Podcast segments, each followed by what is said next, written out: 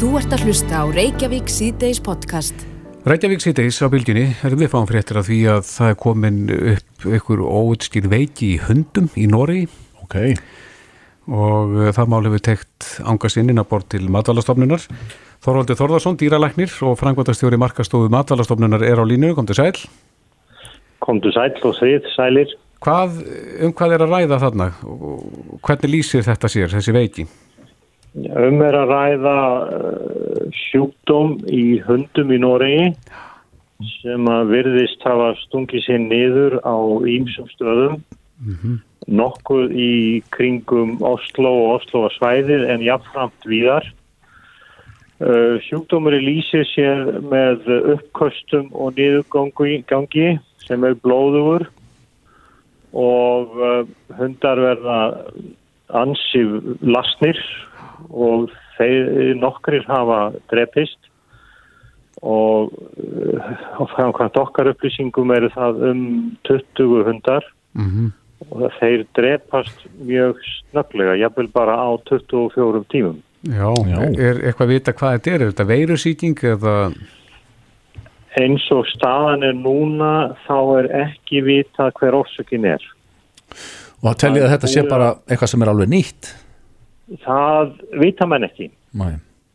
Það er búið að taka þó nokkuð af sínum, bæði úr hundum sem hafa lifað þetta af og síðan hafa eh, eftir því sem við vitum einu þrýr, fjóri hundar verið krupnir og það er ekki komin einlít skýring á þessum sjúkdóm. og er þetta eitthvað sem að berst uh, á milli hundana eða vitið hvernig það gerist Það, það er ekki vitað Nei. á þessari stundu. Þannig að menn eru alveg á byrjunareit í þessari Alveg á rannsók. byrjunarreit með að rannsóka þetta og það er dýralækna háskólinn í Oslo og uh, dýralækna uh, sjúkdómsmiðstöðin sem er að vinna í þessu máli. Já, en af þessu tilefni þá hafið þið lagt bann á innflutning á hundum frá Nóri, eða ekki?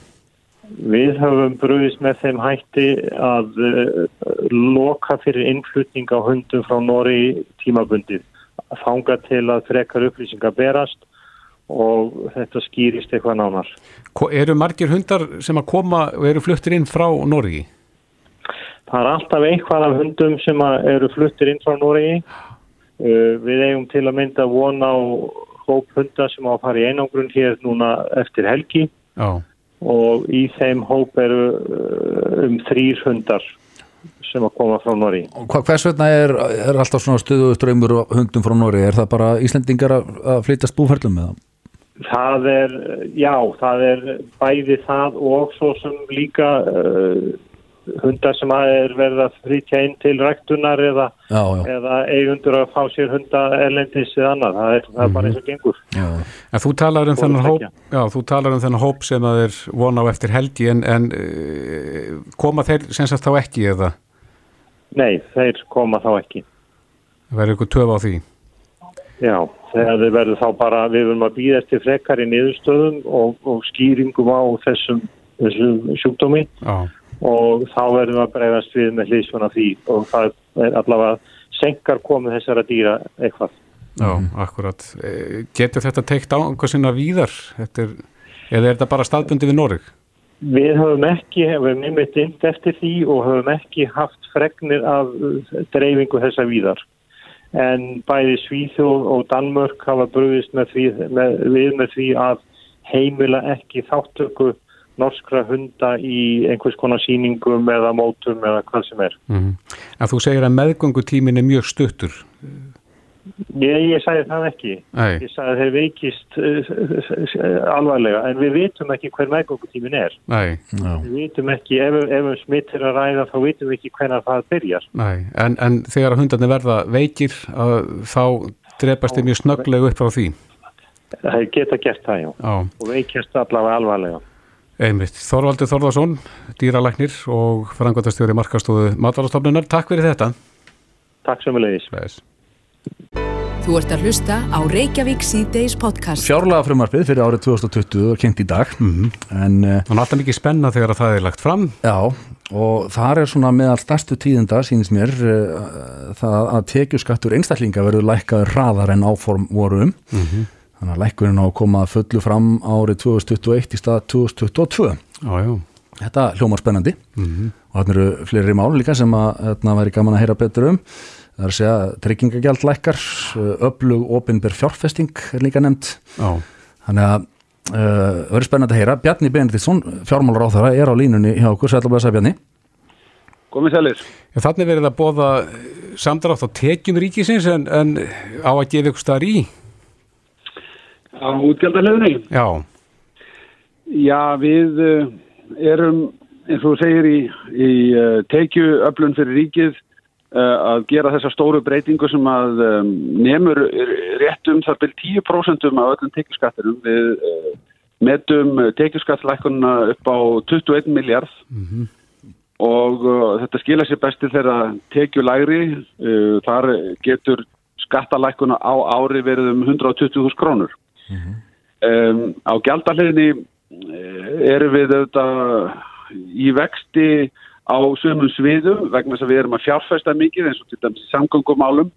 Uh, í heilbríðismálun hafa verið að taka mjög mikið til sín uh, á undarförnum árum. Uh, við höfum þurft að styrkja slíka innviði hjá okkur og um, það er komið tími til þess að auka ópenbæra fjárfæstingu almennt. Það er svona ákveðin slagi í atvinnulífsfjárfestingun í augnablikinu þannig að það rýmar mjög vel saman. Já, það eru innviðir eða Já, já, við getum, við getum sagt að við séum bæði í svona efnislegum innviðum og, og líka félagslegum innviðum Já. í einhverjum skilningi. mm, Um, það sem að mér finnst vera, eh, sko, fyrir utan auðvitað þessa miklu skattalækun sem að eh, við ráðumst í núna og er að styðja við eh, ástandið á vinnumarkaði, að þá finnst mér vera svona stóru tíðindin í þessu finnst mér liggja í því að við erum í aðstöðu núna til þess að uh, fara í skattalækun þrátt fyrir að við séum í smá uh, slaka í hagkerfinu, þar að segja að það er ekki að vaksa í ár hagkerfið. Uh, og vextir eru á sama tíma að koma niður þannig að þetta er að svona kallast mjög vel á framkvæmt peningastefnunar sem þetta vakstalækkanir á sama tíma við lækkum skatta og gefum eftir afgangin, regnum ríkisjóð bara jafnvægi og vinnumarkaðurinn er langtíma samningum. Þetta er, þetta er mikið heilbriðismerki finnst mér, sérstaklega við horfum aftur í, aftur í tíman í sögunni. já, eru þið þá að treysta á að, að neysla aukist, að, að það verði svona drifkrafturinn í hjólinu? Já, það er uh, mun vaksa sveirum fyrir uh, vöxn neyslunar og um, það er uh, ein af svona þessum kynningaglærum sem ég fór yfir í morgun á bladamannafundi var að sína að, að uh, heimilin er nú reyndar að halda kannski aðeins meira að sér höndum þrátt fyrir að kaupmáttur sé að vaksa þar að segja að fólk hefur betur efna á eða en það er svona vaksandi sparnaður í landinu Er fólk að greiða niður skuldir? Getur það verið? Já, við höfum séð mjög jákvæða þróun í skuldaþróun heimilana uh, á sama tíma og eignirnar hafa verið að hækka í verði en það sem að ég var að tala um þarna áðan var að, að sko, fyrir hrun þá sáum við neyslu fólks vaksa hraðar heldur en kaupmáttin uh, sem að var nú ekki gott heilbriðismerki eftir hrunið höfum við séð breytingu á þessari þróun og heimilin eru halda meira aftur á sér bara ekki út og eigða öllu nýju svigrúmi heldur er að vaksa spartnaður í landinu. Eh, Það er hins vegar stór merkilegt hvað okkur hefur tekist að auka kaupmátt heimilanna hratt á undarföldum árum. En svona skattalækkun og einstaklinga, það hlýtur að vera uh, markmiðið er sem sagt að, fá neyslu uh, meira af stað, eða hvað? Já, við getum sagt að hérna, þetta sé líklegt til þess að örfa hagkerfið upp að vissu marki. Já. En þetta er auðvitað líka aðgerð sem að hefur á sér, hérna, he- hefur fleiri hliðar sko. Í fyrsta lagi þá verður þetta náttúrulega ákveði frelsismála. Fólk fá að halda meiru eftir af sjálfsaflafjöð sínu. Uh, að ríki taki ekki of mikið af uh, launum fólks. Uh, í öðru lagi þá uh, var þetta aðgerð sem að tryggði ákveðin markmið sem að sótt var fram með í kjærasamningagerð, þar að segja að stjættafélagin í landinu voru að uh, með ákveðnar hugmyndir um tiltekna hækkun ráfstónatekna. Mm Atunreikandur tóku á sig ákveðna hækkun og restin þurftir heimlega að koma frá ríkinu. Þannig að þetta er aðgerð sem að tala líka mjög vel inn í ástandu á vinnumarkaði og tryggði að mínu áliti langtíma samninga hér á vinnumarkaði ásamt auðvitað með fjölmörgum öðrum atriðum. Þannig að uh, þetta er frelsinsmál, þetta er mál sem við þurftum að koma fram með við þessar aðstæður. Uh, við sáum þetta fyrir þegar við gerum ríkistjórnarsáttmálan að hérna, það væri skinsanlegt að gera ráð fyrir skattalækun til þess að styðja við stöðuleika vinnumarkaði og uh, já, þetta mun hafa jákvæða áhrif út í hækkerfi, fólk mun hafa meira á milli handana, það Mhm. munar verulega um þetta. En Bjarni, það er líka kallað eftir auknum fjármunum í heilbyrðistjærfi til dæmis. Það er verið að segja upp millistjórnundum á landsbítalanum. Svo má deilum það hvort að það sé illa farið og illa nýtt fjöð þar eða, eða hvernig það er eða lítið að því en lögdæslan kallar að meiri fjármunni. Er, er eitthvað slíkt í spílunum að, að gefa í þar? Já, við tökum það saman núna í, í tengslu við þessi fjárlög, hvað við höfum hækkað útgjöld til þessara málflokka á undarföldum árum. Og ef við notum árið 2017 til viðmiðunar, þá uh, hafa útgjöld, uh, það sem við kallum frum útgjöld, það er að segja útgjöld sem eru mest ákveðnum áöfnarsviðum, um, hækkað um 110 miljardar frá 2017. 35% af þeirri hækkun hefur farið heilbríðismál. Þannig að við erum bara með semst, á verðlægi næst ár, uh, rúmlega 40, eða rétt í kringum 40 miljardar umfram það sem við vorum með fyrir örfáum árum. Ertu þá að segja að kerfið sé illa rekið? Í, þá er ég að segja bara í helbriðismálum. Já. Um, ég ætla ekki að halda því fram að kerfið sé illa rekið en hins vegar sko, er alveg augljóst að sá útgjaldavöxtur sem hefur orðið til dæmis í helbriðismálunum á hverju ári hann, hann mun ekki geta haldið áfram sagt, inn í framtíðina. Við höfum verið í sérstöku átæki til þess að fjármagna betur þessa þjónustu og við höfum verið að fjárfesta, við erum enna fjárfesta til dæmis í helbriðismálu með byggingu landsbítala en uh, það kemur svo tímapunktur að við getum ekki sagt, haldið áfram að uh, leggja uh, áherslu á þennan málaflokk umfram aðra. Og uh, við verðum að fara að huga því að auka framleiðinni, bá meira sagt, meiri afköst fyrir sama fyrir það, og það er ekki, ekki til þess að kvarta undan, það er bara mikilvægt að, að uh, við, við bara gerum okkur grein fyrir því og við séum að kalla eftir skilverkni í ofnbæra geran, bara ná, með nákvæmlega sama hætti og við finnum fyrir í ykkar vinnu að það, er að fara vel með peningana. En hvernig er það? Það eru þetta einhverju sem spyrja sig þegar það er verið að lækka skatta á einstaklinga og, og þegar að fyrir óskað eh, hérna, úr ýmsum hérna, innviðum samfélagsins að hérna, eh, hvernig fer þetta saman? Er, er skattur einhver staðar annar staðar að hækka þá á móti eða? Um, ja, sko það er engin spurning að, að hérna, helda niðurstaðan í þessu fjárlagafrunaspi er aukna ráðstöfnutekjur fyrir heimilin. Það er uh, alveg augljóst. Já, en fyrirtæki? Um, það eru ákveðna tekju öflunar aðgerðir í þessu frumvarpi bóðaðar sem að uh, snúa til dæmis að umhverfismálum og þá eftir að fara yfir nákvæmlega í hvaða útfærslu það verður gert. Já, En þar er verið að íta á eftir því að við draugum úr urðun sorps og förum í meiri flokkun. já, hækka gjald á þetta? Það er hugmyndin að, uh, og við höfum bara byrt áformaskjal um þetta og höfum eftir að útfæra það. Um, við höldum eins og er aftur af um, verðlags uppfæslu á svona alls konar krónutölu gjöldum sem eru víða í ofnbjörnum rekstri þar sem að það kostar einhverja krónutölu að fá tiltekna þjónustu. Uh, við hækkum það um 2,5% sem er minna en verðbólgan þannig að við erum að rýra þessu ímsast líka tekjustofna raungiti. Mm. Um, barnabætur er að hækka á, á næsta ári uh, þannig að þetta, er svona, þetta er svona sambland af, ímsu En þess vegna fær fólk- er, er, er lækkun Fær, fólk fær sko þetta reiknistæmi ekki til að ganga upp og þau eru að lækka allstaðar en samt eru þessar auknar eh, aukin gjöld eins og þú segir barnabætur og ímislegt uh, áttu við að, að, að fólk fá hvað ekki til að ganga upp? Já, bara að, að, að, að það sé verið að lækka innstreymi til ríkisins en, en um leið að auka útgjöld. Já, já, er, þetta er góða punktur að, að þetta byggir á því að á, á meðan að þessu góðari hefur staði sem við höfum verið með undanferna ár Mhm. Þá ákváðum við að reka ríkisjóð með mjög miklum afgangi.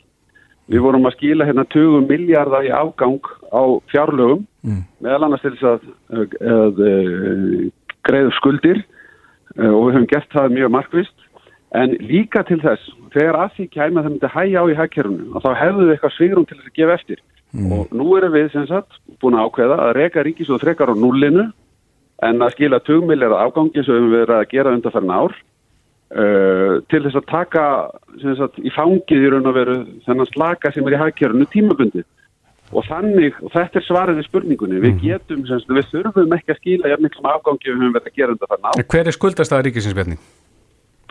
Já, það er uh, hérna hinn almenni mælikvarð á skuldastöðuna eru, eru hérna er hlutfalla hansframleyslu og, og þar hefur okkur tekið að, að koma okkur niður undir í kringum 20% af landsframleyslunni en við vorum sagt, uh, rúmlega helmingi herra heldur en það, við vorum meira að segja uh, ríkið var komið í uh, hérna alþjóðlegu samhengi komið bara í, uh, í hérna flokk með afar skuldsettum ríkjum fyrir ekki lengur síðan. Einmitt.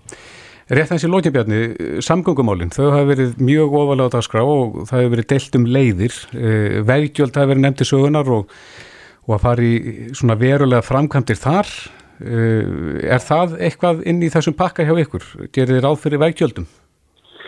Við erum ekki, við erum að vinna útfæslu þeirra mála í tegnslu við samgöngu áallinu eins og þingið kallaði eftir.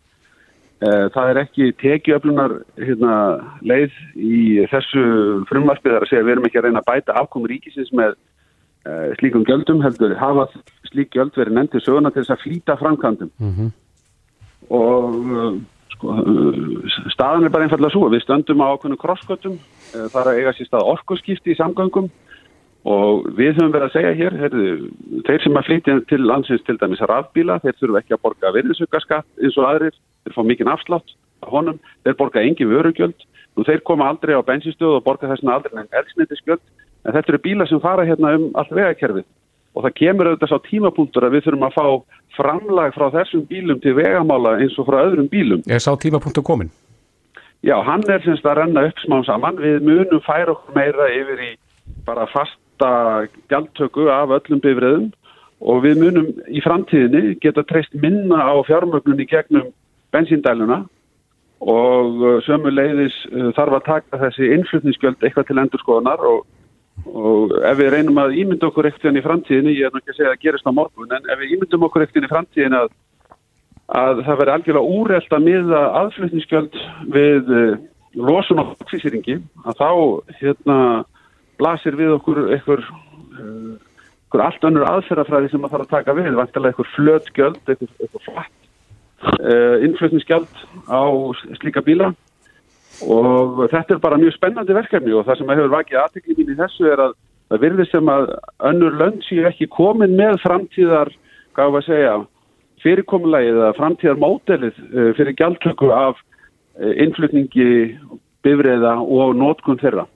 Uh, og, og þarna stendur yfir mikil vinna hjá okkur í ögnublikinu. Mér langar að endingu rétt að spyrja það því að þú ert komið nýjan dómsmálaráð þeirra í ríkisjórn og þú hefur sagt að það var, voru margir sem komið til greina uh, var þetta erfitt val? Já, þetta er flóki val vegna það, það, það, það var mörgum mjög hæfum að velja mm. uh, að því leitin til stendum að frammi fyrir hérna, jákvæð vandamáli ef maður gett börðað þannig að það eru margir mjög sterkir einstaklingar sem komu vel til greina hefðu getið leist uh, þetta verkefni en síðan þarf bara að taka ákvörðun og koma með tillög og, og ég er ánæðið með niðurstöðana. Og hvað var það sem að endingu letið að áslugu Örnu Sigurbjörnsdóttur? Já, hún hefur bara sínta í verki að hún er uh, framúsgarandi stjórnmálamæður, hún hefur allt sem þarf til að bera til þess að bera mál fram og leysa flókin viðfónsefni, hún er, kemur vel fyrir sér máli og, í, í, í dósmáraðanitinu mun það koma sér vel að vera með lögfræði nettun eins og hún hefur. Mm. Um, hún er bara einfallega í mínum huga einn efnilegasti stjórnmálamæður landsins. Já, og, já, og þú ert aðnað með yngsta kvenkins ráð þeirra Íslands sögunar. Það er skemmtilegt.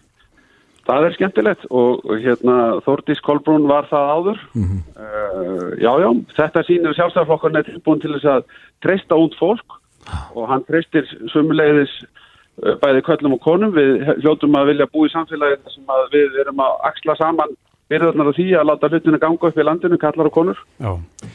Það eru margar loka spurningar, ég með eini viðbóðbjarni, ég verði eiginlega að fá álítið á þessu en Jón Gunnarsson, þingmaður sjálfstæðarflokksins, hann skrifaði harðorðagrein í morgunblæð og var í bítun í morgun. Það sem hann í rauninu hótar stjórnast litum vegna uh, Guðmundar Inga Guðbrandssonar og uh, þeirra friðlýsingar sem hann hefur staðið fyrir. hvað, hvað segir um þetta? Er, Olga innan þíns flokks út af þessum? Já, sko, ég líti ekki þannig á að Jón hafi hóta stjórnarslitum en hann er að vekja aðtikli á tilteknum máli sem hann hefur áhyggjur af. Og það er saga í þessu máli þar sem að Jón Gunnarsson var sem þess að uh, hvað var að segja, hlutið af lögjafaldinu, hann var þingmaður sem að hérna, var að fjalla um þessi tilteknu álitamál. Mm -hmm. uh, þetta snýst í grunninu það hvort að til hvers lögjafa viljin hafi staðið. Var það viljilögjafans á sínum tíma þegar að uh, við, viðkomandi lagagreina voru afgreitar að í kjölfar þess að einhver virkjanakostur fer í vend að allt vatnasvið uh, viðkomandi virkjanakost fari í friðun. Og já, Jón nefni þarna sem dæmi ef það væri eitt foss sem að væri verið að skoða í þjórsá að, að hérna, þá getur það enda með því að öll þjórsá er, er þið venduð eh, menn er að reyna að búa sér til eitthvað dæmi til þess að skýra málsitt um, en, En tekur undir það að, að ráð þeirra sé komin út fyrir sitt valdsvið? en En við hljóttum að vera sammálum að það væri gríðarlega viðhluta mikil ákvörðum að fest í lög að uh, það gæti orðið niðurstaðan. Eh, Ég vona, ég sé nægilega skýrum þetta að, að hérna, menn velta fyrir sér einu virkjanakosti, menn ákveða að setja hann í vend, en það getur ekki verið að það verið ætlun lögjafans að venda þar með og fara í friðun sem sagt. Á, á öllu vatnasviði viðkomandi virkjanakost. En ég, ég segi bara um þetta, ég treysti þessum stjórnarflokkum mjög vel til þess að setjast af yfirvegun yfir þetta atriði og ræða það og, hérna, og það munum við gera. Uh, Þess vegna hef ég nú ekki mikla ráðgjur á þessu. Nei. Bjarni Benediktsson, fjármálar á þeirra, kæra þakki fyrir spjallið og góða helgi. Takk fyrir að fengja. Já, já. Þetta er Reykjavík C-Days podcast. Já, það dróð til tíðinda í dag í, í flugrekstrar uh, málum Íslendinga. Heldur betur. Uh, hún uh, Michelle Ballarín, stjórnaformaður US Aerospace Associates sem hafa verið rættu mikið hérna í tengslu við endur endur komu Váer og raun og veru svona, hún kom inn á, á sjónarsviði hérna fyrir nokkrum vikum síðan og svo var þetta hérna blásið af einhvern veginn og Já, hún var bara afskrifið. Já, þetta var eins og einhverja- skíaborgir sem að ekkert voru en svo mætir hún í dag. Og hún er með blagamannafund á grillinu á Hotel Sögu þar sem hún er búin að stilla upp uh, svona vá er þóttu líkani á borðið og bandarinska fánunum og, og þeim íslenska og hún mætir síðan með fjólubláan varalit og fjólubláan augskugga og bara með miklar yfirlýsingar búin að kaupa hérna, eignir hrótabúsins og ætlar af stað í oktober með vá uh, farþeðaflutninga. Já, þetta eru, þetta eru stóra fréttir Ég myndi segja inn það. í íslenskan flugheim. En sá sem að þekkir uh, þennan bransa, betur en margir aðrir, er uh, Kristján Sigurjónsson, reittstjóri turisti.is, sæl. Sælir. Já, þú fylgdist með þessum bladamannafundi, tekur ekki undir það, þetta eru stór tíðindin í bransan. Jú, jú, þetta eru stórt nýndi en ekki hverjum degi sem við heyrum af áhórnum að hérna, stofna Íslensk flugfélag. Hún auðvitað tilgrindi að sérstaklega að í upphafi myndi þau notast til ameríst flugræstarleifi sem er þá sennilega tengt þessu fyrirtæki US Airspace sem er það fyrirtæki sem er að kaupa vörumerki váer. Já. En þetta er svo sannlega tíðindi og, vonandi að allt þetta gangi upp. Hún talar um að hefja flug nú bara strax í oktober. Það er þá bara mestalega átta vikur til stefnu og Já. Og, og ekki byrja að selja neina farmiða þannig að maður svona, ég spyr sér svolítið með það hvort að fólk ætli sér ekki aðeins og stuttan tíma í að hérna, koma flugfélaginu á flegi ferð. En hún er reynsluboltið, það ekki, hann hefur gert þetta áður. Ég veit það ekki, ég, hún er með hérna, tengd flugfélagi í Sómalíu minnumi og það flugfélagi með tvær eða þrjár flugvélar í rekstri þannig að ég held að þetta sé tölverð stærra verkefni en hún hefur ráðist í áður allan með það eru upplýsingar sem hefur aflað sér um hana. Ég hef nú reynd að fá frekar upplýsingar um hana í dæmis íslenska lögmann hennar en, en lítið gengið en hann ég held að þetta sé klárlega eitthvað verkefni sem er hérna hún gerir ekki einn og, og, og, og hún talar um hann að samverka fólk með sér og, og hérna og mikla peninga, það er 85 miljónir dólara, það eru vel yfir 10 miljardar íslenska krónar sem á að leggja í þetta flugfélag, hún talar um frýtt vatnum borð og það sé þryggjastjörnum Michelin-kokkur að leggja drauga hérna, veitíkonum um, um borð, þannig að þetta er hérna, já, það er verið að búa svolítið auðrísi flugfélag þarna heldur en maður kannski á að venjast. Já, hún hérna okkar að herrlúðra hérna en hún tala líka um að að fara varlega og hún ætla bara að byrja með tvær þóttur í upphafi og það eru í mestalagi fjórar á næsta ári, er, er það ekki rétt? Jú, mikið rétt og en hún, uh, ef ég mandi það rétt líka þá vildi hún ekki tala henni sérstaklega um hvað áfangastæðir væri í, í siktinu, hún talaði um að byrja náttúrulega frá Washington, uh, Döllarslúvillu við Washington en, en ekkert meira nefnt og, og hún þarf sennilega þá evróst flugræstar lefi til þess að komast til Evrópu og svo eins og hún var spurð út í það á fundinum með reglur Evrópusambansins og EES-svæðisins sem hveð áum að flugreikundur innan svæðisins verða að vera í allavega 51% í eigu hérna evróskara aðina og hún sagði að það eru þá eh, Íslenskt fyrirtæki sem myndi sjálfur sér vera 51% eigandi að þessu vörumerki. Þannig að Þannig er kannski, ég, maður kannski sér ekki alveg fyrir sér að, þessa, að fara í kringum þessa reglur en maður orðað að þannig sé svona auðvelt. Þetta hefur til dæmis tölvöld í umræðu varðandi kaup hérna Indigo Partner sem er bandarist fyrirtæki í Váer upphaflega. En það var að tala um að þetta verði ákveði flækjusti. Þannig að ég, en hún er kannilega búin að finna að lausna því og við fólknum því. En getur hún ekki verið eins og hún segist að það er með flugurastarleifi í bandaríkjónum til að byrja með allavega, er það ekki bara eins og hvert annað bandarist flugfélag sem flýgur til Íslands er það ekki nóg? Jú, en svo er kannski flækjast málið um alltaf svo fara að fljúa frá Íslandi til Evrópu sko á, á amerísku fljóðristarlegu þannig að þá, þá, þá flækjast Já, er eitthvað flækjast í það. Þannig að en þá finnst manni svona vanta aðeins ítaleri hérna upplýsingar um hvað er, hvað er að fara að gerast en hún mm. tala ekkur líka mikla áherslu á vöruflutninga og, og maður hefur svo sem hitta líka það er margir sem sakna sérstaklega Kaliforníuflugs váer það var mjög verðmættir sem voru að flytja út til dæmis fisk en hún ætlar ennþá að byrja bara á austuströndinni en, en þetta er þá ja, viðbútt á þeim markaði varandi vöruflutninguna. Já, en svo er annað fyrirtæki sem hefur verið að vinna lengt og ljósta því að koma sér í lofti, það er þetta VAP félag. Já, er, við býðum ennþá eftir svona nánari upplýsingum um, um þeirra áform að heyrast svona sögur um að þessu sé búin að tryggja sér flugveilar og, og, og jafnvel núnum áramót og, og svo næsta ári en, en ekkert staðfest en, en það er alltaf enna eh, eins og staðinni núna þá verist vera mikil spenna fyrir því að stopna nýtt íslenskt flugfélag og það bætast tvö við flórurna ja, núna í haust og svo aftur á, hérna í næsta vor þá erum við náttúrulega að horfa á eitthvað allt annað landslega við höfum átt að venjast. Já, en heldur að þessi bladamannafundur í dag og þessi áform ballerín eh, seti þá strikið reikningin hjá vapfólki?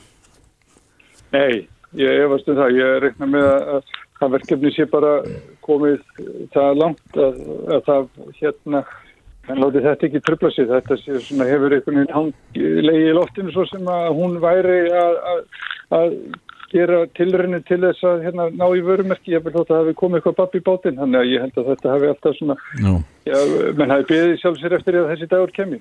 En þó að hérna, það skerist ekki á þessum tíanpunkti að þá hlýtur það inn í framtíðin að vera vandamál að vera í þessum rekstri með svona marka aðila á svo litlu markaði eins og Ísland er.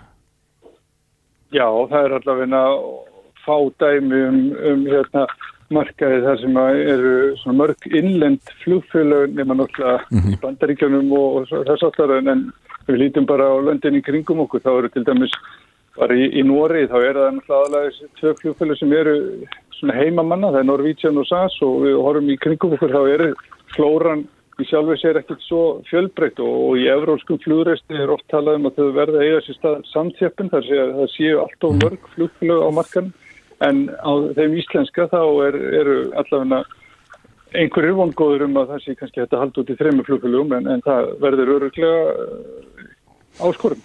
En hvað fannst þér um sjálfan blagamannafundin og það að hún mæti þarna sjálf?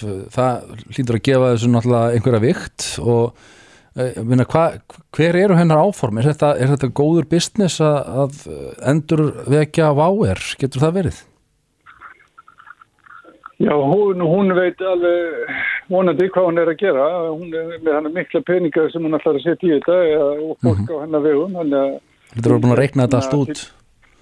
Hún lítur að vera búin að rýna vel í þetta en, og vitandi það líka að, að fljóðreistur er, er áhættu samur og það eru söblur upp og nýður og, og hérna til dæmis þeir sem keftu í Æslandi er fyrir um hvað, 6 miljardar í april virði þeirrar fjárfestingar hefur virðnað um rúmlega miljardar á fjórum mánum. Ég menna þetta eru Þetta er, þetta er, þetta er eh, bransi fyrir fólk með ís í maganum, þannig að við vonum bara ballarinn segna þeim. Já. Kristján Sigur Jónsson, reittstjóri turisti.is. Kæra þakki fyrir þetta. Takk sem leiðis.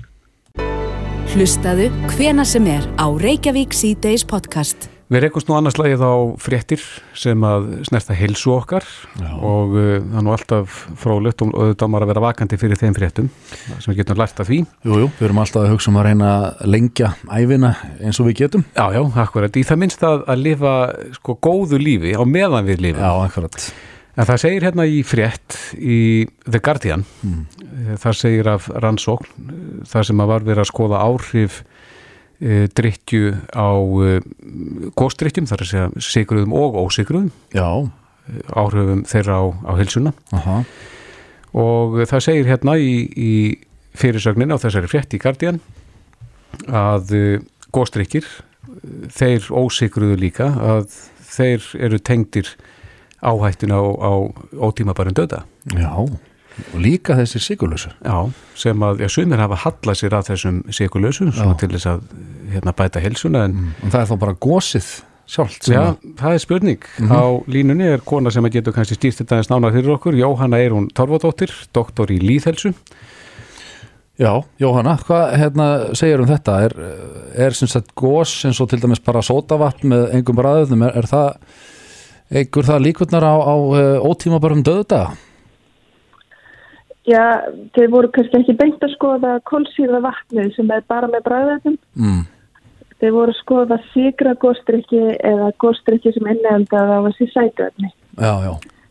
Eins og, hérna... Það er það líka orskudrykkir og, og, og allt þetta. Diet Coke og Cola Light og allt það. Já. Aha. Og, og hvað hva segir þessi rannsótt nákvæmlega um þetta? Já, þeir eru alltaf að skoða þarna, mjög stóran hóp og meðalaldurinn er 50 ár mm -hmm. í rannsókninni og þeir eru að fylgja eftir svona meðaldal í 16 ár. Oh. Þannig að þeir eru að sjá, já, að, að þeir eru að deyja fyrr sem að drekka tvö glös af gósi að meira á dag. Aha, já.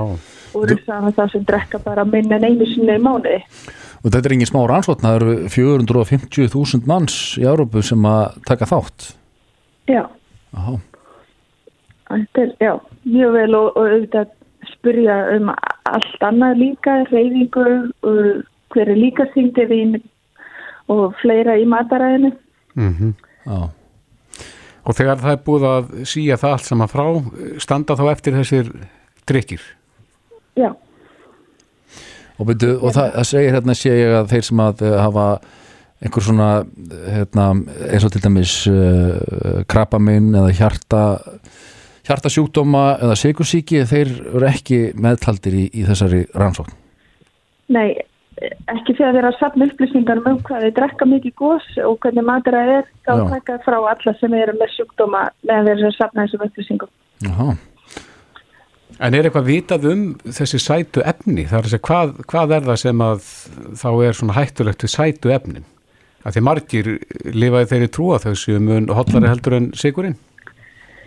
Já og það hefur um eitt af bandarískrannsókn í, í vor sem að var að mikka sína þetta að, að það virtist vera betra ef þú varst á annar bóra að drekka sigur að góðstrykki en fór svo færað yfir í þess að drikki með gerfisætunni mm -hmm. að þá var það skára fyrir þig en þegar þú varst komin upp í mikið magna dag þá var þetta sína þessi slæma áhrif sérstaklega æðakerfið það er sérstaklega konum á miðjumaldri að það eru ekki ná þetta á heila blóðfalli Já, já, á það bara við um konur? Já, þessi bandarski síndi það en, en þessi evróska núna sem var að byrtast hún sínir fyrir konur og kalla Já, þannig að það er enginn þá munur á kynjónu þar. mm -hmm. Nei, það verðist ekki vera. Þetta kemur á óvart er það ekki? Eða, eða hérna, gerðu vísindamenn ráð fyrir að þetta væru áhrif þessara neyslu? Sko nei, þeir vilja ekki draga þarna alveg að þeir beint orsakasamband mm -hmm. þeir telja jafnvel getur þetta verið á vísbendingum annan óheilbriða lífstíl, leilaðra mataræði Já. og hérna Já, sem að ekki hægt að taka alveg til, veist, Já. þetta sé bara öðru sér lífstil, kannski er þetta þessi færa sig yfir í sigurskertuðu drikkina, þeir hafa verið að drekka kannski mikið að sigur og góðstrykkum áður. Já, en já, og Þannig- segir sér sjálft að þeir sem eru að þamba mikið svona gós og þeir eru líkleri til þess að vera óhóllir á öðrum sviðum líka Já, og það sést alveg í rannsókninni Já. að þeir sem eru líka að drekka sigur og góðstrykkina eru líklega til að vera að reykja Já, já, og þeir eru að borða minna ávöxtum á grammeti. Þannig að þetta gæti verið einhver svona skýring á öðru lífstíl líka. já, það, er ekki, það er ekki útiloka þarna í þessari rannsókn að, að slíkt sér. Nei, höfundar rannsóknina, þeir taka það jáfnvel fram. Þannig að, að Þannig að það er ekki lausn á, þessu uh, svar við þessu vandamáli að bara drekka meira vatn og þá lifa allir lengur? Það væri mjög góð byrjun. Já, að færa sig yfir í vatnið. já það myndi kannski auk, auka heilsutengt val og öðrum sviðum líka. Já, ég held að þetta, og það er það sem allir höfundar eru að segja núna, þetta eru náttúrulega tvær reysastóra rannsóknir. Mhm. Og, og þeir eru báðir að segja að, að færa sig yfir í vatnið væri mjög gott skref. Já, en sóta vatn þá er í lagi þess að ef það er ekki hérna, bræðefnið í þetta, já. Já, það, virðist allavega, það, er, það var allavega ekki verið að skoða það. Já, með mitt Þetta er mjög áhugavert Já. Jóhanna Eirún Þorvaldóttir, uh, doktor í líðhelsu og ertu ekki sérfræðingur hjá Krabbaminsfélaginu líka? Jú, það passar, fræslu forðunum. Já, akkurat. Kæra þakkir fyrir þetta og góða helgi. Já, takk fyrir mig. Takk Þetta er Reykjavík C-Days podcast. Við heyrðum í daginn í formanni félags sjúkraþjálfara sem að voru ekki ánaðir með eh, nýtt fyrirkomulega eða vissu ekki af því hvað, hvað nýtt fyrirkomulega fæli í sér. Og ég veit ekki hvort þau séu eitthvað nær en, en eh, nú er búið að opna útbóðsgögn þá er semst að fara að bjóða út störf sjúkraþjálfara. Já, þetta er sem sagt nýtt fyrirkomulega frá uh, heilbriðisraðanötinu eða Já, sjúkratryggingum. Já, sjúkratryggingum En uh, Önnu Pétursdóttir, formaður félagsins er á línu, kom til sæl.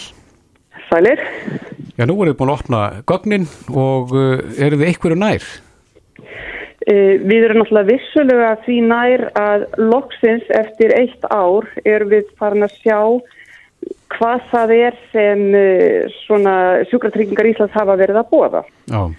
Við höfum bara heift orðið útbóð eða útbóðsleið af einhverju tægi en uh, núna erum við þá allavega búin að sjá hvernig þetta lítur út. mm. Og getur þú skýrt fyrir, út fyrir hlustundum hvað þetta þýðir nákvæmlega að, að það verður útbóða á sjúkraþjálfun Já, þetta þýðir það að, að breytingin, eh, hún í rauninni felst í því að í stað þess að samninganemnd sjálfstæðstarfandi sjúkraþjálfara semji við sjúkratryggingar Íslands um það hvernig rammarsamningur um sjúkraþjálfun lítur út og, og, og hinn almenni sjúkraþjálfari getur sagt sig á þann samning og starfa sjálfstætt eins og verið hefur bara með ágætum frá 1973 að þá vilja þeir setja þetta núna í útbóðsleið á þann hátt að einstök fyrirtæki sjúkraþjálfara bjóði í þjónustuna. Þetta er náttúrulega algjör gjörbylting á starfsumhverfi sjálfstæðstarfandi sjúkraþjálfara og eh, við viljum meina að það sé nú bara blátt áfram óforskama. Veitir, Það er þá verið að, að hérna, etja ykkur saman til þess að undirbjóða hver annan eða hvað Eh, það má tólka það þannig, það er ekki sett fram á þann hátt en, en eh, allir sem eh, hafa farið útbórsleiðin að vita það er náttúrulega að, að auðvitað verið að reyna að eh, leita leiða til að fara uh, fá Ódýrustu svona ódýrastu útgáfuna af þessu. Já, En, en það sem okkur finnst náttúrulega sérstaklega óforskamað er það að, að við erum búin í heilt ára að vera að knýja á um svör um það hvernig þetta á að líta út. En svo þegar loksins þetta kemur inn á útbóðsveifina þá fáum við sex vikur til að gjör bylta öllu starfsumhverfi okkar og, og stofana. Er það ómögulegt? Það er, það er náttúrulega ekki nokkur vinnandi vegur. Nei. Hverju þurfum við að breyta hérna, samkvæmt þessu eh, í ykkar starfsumhverfi og á stofunum? í rauninni bara allur reksturinn, all, all starfsumhverfi sjúkrafjálfarana er þar með að taka breytingum. Og það þýðir það að, að í staðin fyrir það að sér hver sjúkrafjálfari er bara á sínum samningi við sjúkratryggingar Ísland, að þá er þetta orðin e, fyrirtækin sem þurfa að vera með samningana Já, já. og það líka skapar eh, óvissum það hver er staða þeirra sem eru hjá stofunum og eru ekki eigendur. En e, lítur þetta þannig út í ykkar huga að þarna sé verið að reyna að lækka ykkur í launum? E, það eru ákveðnar svona ákveður rauk sem hýga því vegna þess að eins og staðan er í dag þá rýður einhver, engin feitum hesti frá því að vera sjálfsastarfandi sjúkarþjálfari. Mm. Við höfum ekki verið fyrir að fæta mikil í, í tekiblöðum frálsara veslunar en annar stað. Nei, en svo verður eitthvað ykkur í það að fara að undirbjóða hvert annað, þannig að það getur ekki annað en kallað á, á launalækun. Já, eða sparnað sem kemur fram á einhverjum, öð, á einhverjum öðrum stað og eitt af því sem við höfum til að mynda miklar áhyggjur af er það að í gamla samningnum var það sem við kallum mentunar ákveði. Það er að segja að þeir sem voru mjög duglegir að leita til endur og símentunar fari framhaldsnám og annað slikt að þeir fengu fyrir það ákveðna umbund. Þetta er horfið núna úr þessu umhverfi og þegar engin er kvatinn eða umbundin fyrir það að uh, halda sér í topp formi faglega mm. að þá eru við svo litið hrættum að það komi niður á gæðum vegna þess að ef engöngu sjúkratryggingar Íslands og skjólstaðingurinn græða á því að fólk setur miljónir í endurmentun en ekki sjúkarþjálfarnir sjálfur þá erum við komin út á hættulega Já, og, og þá stöðnunar jáfnvel og afturfara Ég vil nú ekki segja endilega stöðnum og afturför vegna þess að sjúkarþjálfara hafa allartíð verið mjög faglega fengjandi mm. og allartíð verið gríðarlega duglegir að stækja sér endurmentun en við sjáum það að þegar kom inn þessi umbund í samminningin að þá varð í rauninni enn meiri kvati til þess og líka það að þá fólk fekk uh, í rauninni fjárháslega umbund fyrir það, ekki bara það sem fram að því hafi verið svona það sem kallaði faglega ánægja og, og enginn borgar reikninga með. Og hvað er það sem að keirir þetta áframheldur það er að segja Súkratringar Íslands og, og heilbyðisránitið, þau eru vantalega að hugsa um að, að spara og það er skorið við nögg hlálstaðar? Við höfum náttúrulega alltaf fundið fyrir því að, að, að helbriðiskerfum á aldrei kosta neitt. Mm -hmm. Hins vegar er það nú þar sem við höfum verið, tala, verið að tala um og, og, og forsveitin okkar sagði nú síðast í ræðu í gæri í, í, á Sandi Jósefs að þar var hann að tala um það að, að það þurfti sem aldrei fyrir að huga að forvörnum og heilsuefningu. Það er mál sem hefur verið á, á könni súkrafælvari í 40-50 ár að við höfum talað um mikilvægi þess að grýpa fljótt inn í þegar fólk finnur fyrir heilsubresti mm -hmm. til þess að þurfi ekki að kosta heilbriðskerfið og þjóðfélagi og þar sjálft meiri og alvarlegri eh, hluti síðar meir. Já. Þannig að við erum ódýr og góður kostur í heilbriðsþjónustu og það er æði oft sem að, að það kostar meira að spara sjúkrafjálfin. Mm -hmm. Þið opnuðu pakkan eða hann var ofinberaður í fyrradag. Eh, þú ert vantilega farin að heyra í þínu fólki. Er, er mikil óanæg með þetta? það er fyrst og fremst bara óbúrslega mikið af spurningum og, og auðvitað náttúrulega allstaðar þar sem verið er að fara inn í breytingar verður fólk uh, óraugt, það, það er órulegt, það er, veit ekki alveg hver staða þess verður eðlilega og það er ekki því þess að sem við gaggrínum þennan skamma frest vegna þess að þetta eru því líka grundvallar breytingar að það er náttúrulega kalla á góða yfirlegu og, og það að fólk hafi ráðrúm og, og tök á því að gera þær aðstafunni sem gera þar. Mm -hmm. Mér stílst að þetta hefur reynd uh, gagvart tannlæknum og uh, sérfæðarlæknum að það hefur verið ákveð að fara ykkur útbóðsleið þar en þar af enginn tekið þátt í útbóðunum áttu vona því að það sama verið på tegnum hjá ykkur. Ég get ekki svara því á þessari stundu og þarna náttúrulega komum við inn á þá staðreind að félagið er náttúrulega félag sjúkraþjálfara en þarna er verið að uh, höfða til fyrirtækja sjúkraþjálfara Þannig að þetta breytir struktúrnum á, á svo mörgum sviðum og hvað verður, veit ég bara fyrir ekki eins og staðan er í dag. Nei. Það verður tímin að leiði ljós, Unnur Péturstóttir, formaði félags sjúkvæðarþjálfara. Kæra þakki fyrir þetta. Mér er takk fyrir mig. Bless, bless. Á Bilginni podcast. Jæja, það er alltaf einhverja framfæri í lækna vísindunum Já. og sem að við njótum góðs af. Sem betur fyrr. Og ég held að ef við myndum gera lögslega konun og myndum spyrja hvaða skínfæri fólk myndi síst vilja missa, að þá hugsa að sjónin væri þar mjög ofalega. Hvernig er sjónin þín? Eh, hún er svona, svona elli sjónin er að dett inn. Já, já. Það er að segja, maður er þannig að þurfa að nota glirugu.